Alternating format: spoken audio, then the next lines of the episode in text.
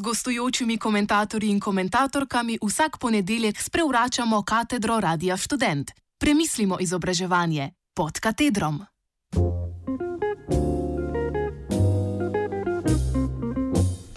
Peticija za odlično pet. Od ponedeljka 28. januarja je na spletu možno podpisati peticijo za spremembo šolskega sistema, ki jo je pripravilo Društvo Svet staršev s predsednico Natašo Šram. Za zdaj jo je podpisalo več kot 22 tisoč ljudi. Pisci pa so zadnjo točko k dialogu pozvali vse starše in učitelje, Zvezo aktivov svetov staršev Slovenije, Učiteljsko združenje Slovenije in pristojno ministrstvo. Na peticijo se je že odzval Jrnej Pikalo, ministr za izobraževanje znanosti znanost in šport, ki je avtorje peticije povabil na pogovor. Srečali so se v torek 12. februarja in se dogovorili, da bo vsebina peticije del prihajajoče širše javne razprave o beli knjigi za vzgojo in izobraževanje. Bela knjiga, ki služi kot ključni strateški dokument šolstva, bo v osveženi verziji šla leta 2021, zato je do takrat treba razjasniti, s kakšnimi cilji bo šola delovala naslednje desetletje.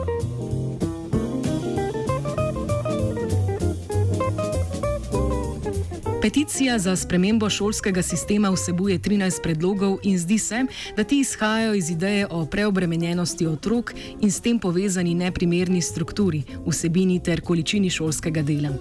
Ker, otroka, ker stroka omenja, da občutenje preobremenjenosti otrokom vzbujajo starši, obenem pa se tudi preveč upletajo v šolsko politiko, bomo v današnji oddaji razmišljali, kako na nezadovoljivo stanje v šoli vplivajo starši.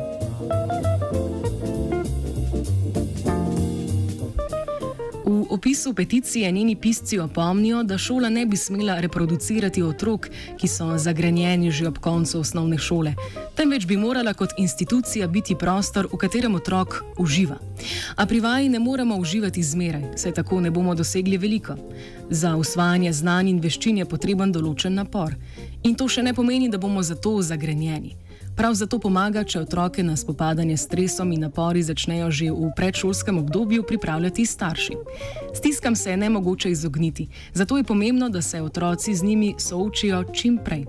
V zadnjih letih narašča mnenje, da ravno starši in skrbniki otrokom poskušajo čim dlje prikrivati drugo plat izkušnje življenja, neprijetno plat. Preusmerjajo pozornost, izogibajo se žalosti in razburjenju, namesto otroka rešujejo težave. Želijo odpraviti vse, kar bi lahko povzročalo nepotreben stres, pravzaprav pa so oni tisti, ki takšnega stresa proizvajajo največ.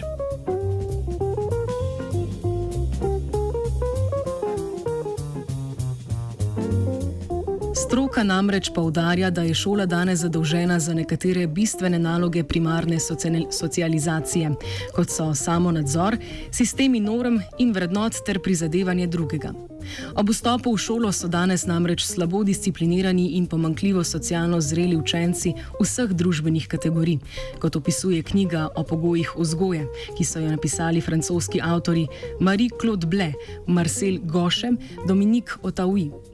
Tako je stiska ob postavljanju meja večja, kot bi bila, če bi otroci že poznali in razumeli. Na mesto z učenjem se otrok v šoli spopada s prvimi zametki discipline. Zato ni čudno, da se v njej ne počuti dobro in ne zmore opraviti obveznosti. Še pred desetimi leti temu ni bilo tako in otroci so delo opravili brez neprestanega upletanja staršev.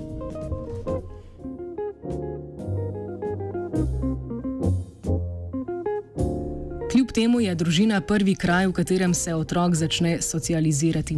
Zato je pri obravnavi vzgoje in izobraževanja vedno treba upoštevati. Danes se ji je v šolskem prostoru tudi nemogoče izogniti.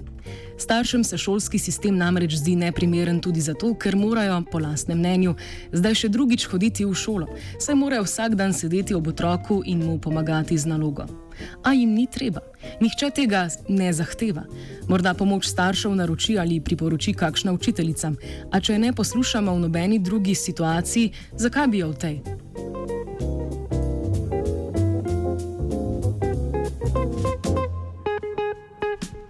Dejansko je še bolje, če otroci nalogo opravijo sami. Zagotovo bi jo končali prej, ali pa je pač ne bi in bi se iz ene ali druge situacije celo naučili kaj drugega kot to, da je šola in staršev ena sama zlova.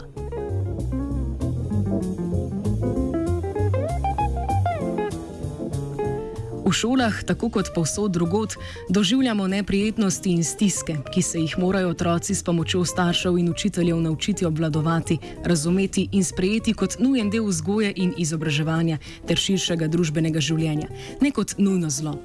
Le tako bo lahko otrok razvil močno, stabilno in odporno osebnost. Pod takšnimi pogoji boš časoma sposoben samo obvladovanja, kritičnega mišljenja in avtonomije, ki so glavni cilji vzgojno-izobraževalnih institucij.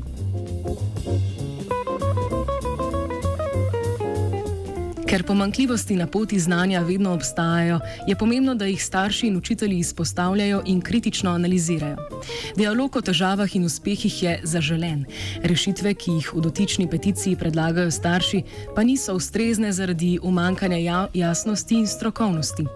Starši niso pedagogi in kljub upetosti v edukacijske procese nimajo znanja ali izkušenj za predlaganje radikalnih rešitev, ki se jim zdijo prikladne za opravljanje tegob oziroma tako opravljanje upravljanje tegob sodobnega otroka.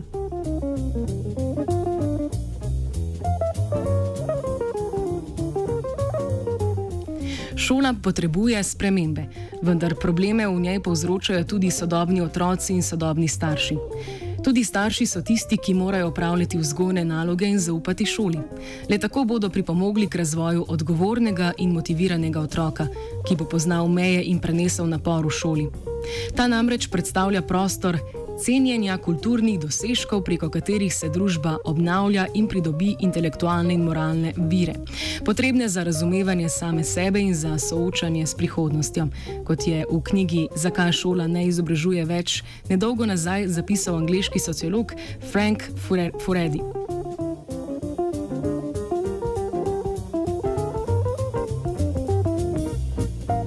Več o krizi šole in peticiji boste lahko slišali v jutrišnji oddaji Cicigan ob 20. uri.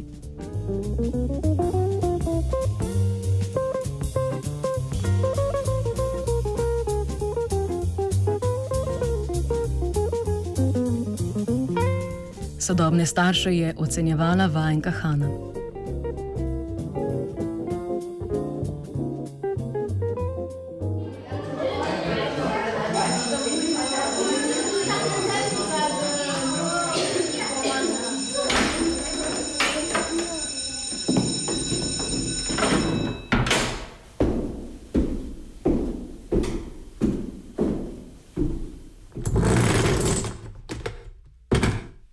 Gostujočimi komentatorji in komentatorkami vsak ponedeljek sprevračamo katedro Radia Student. Premislimo izobraževanje pod katedrom.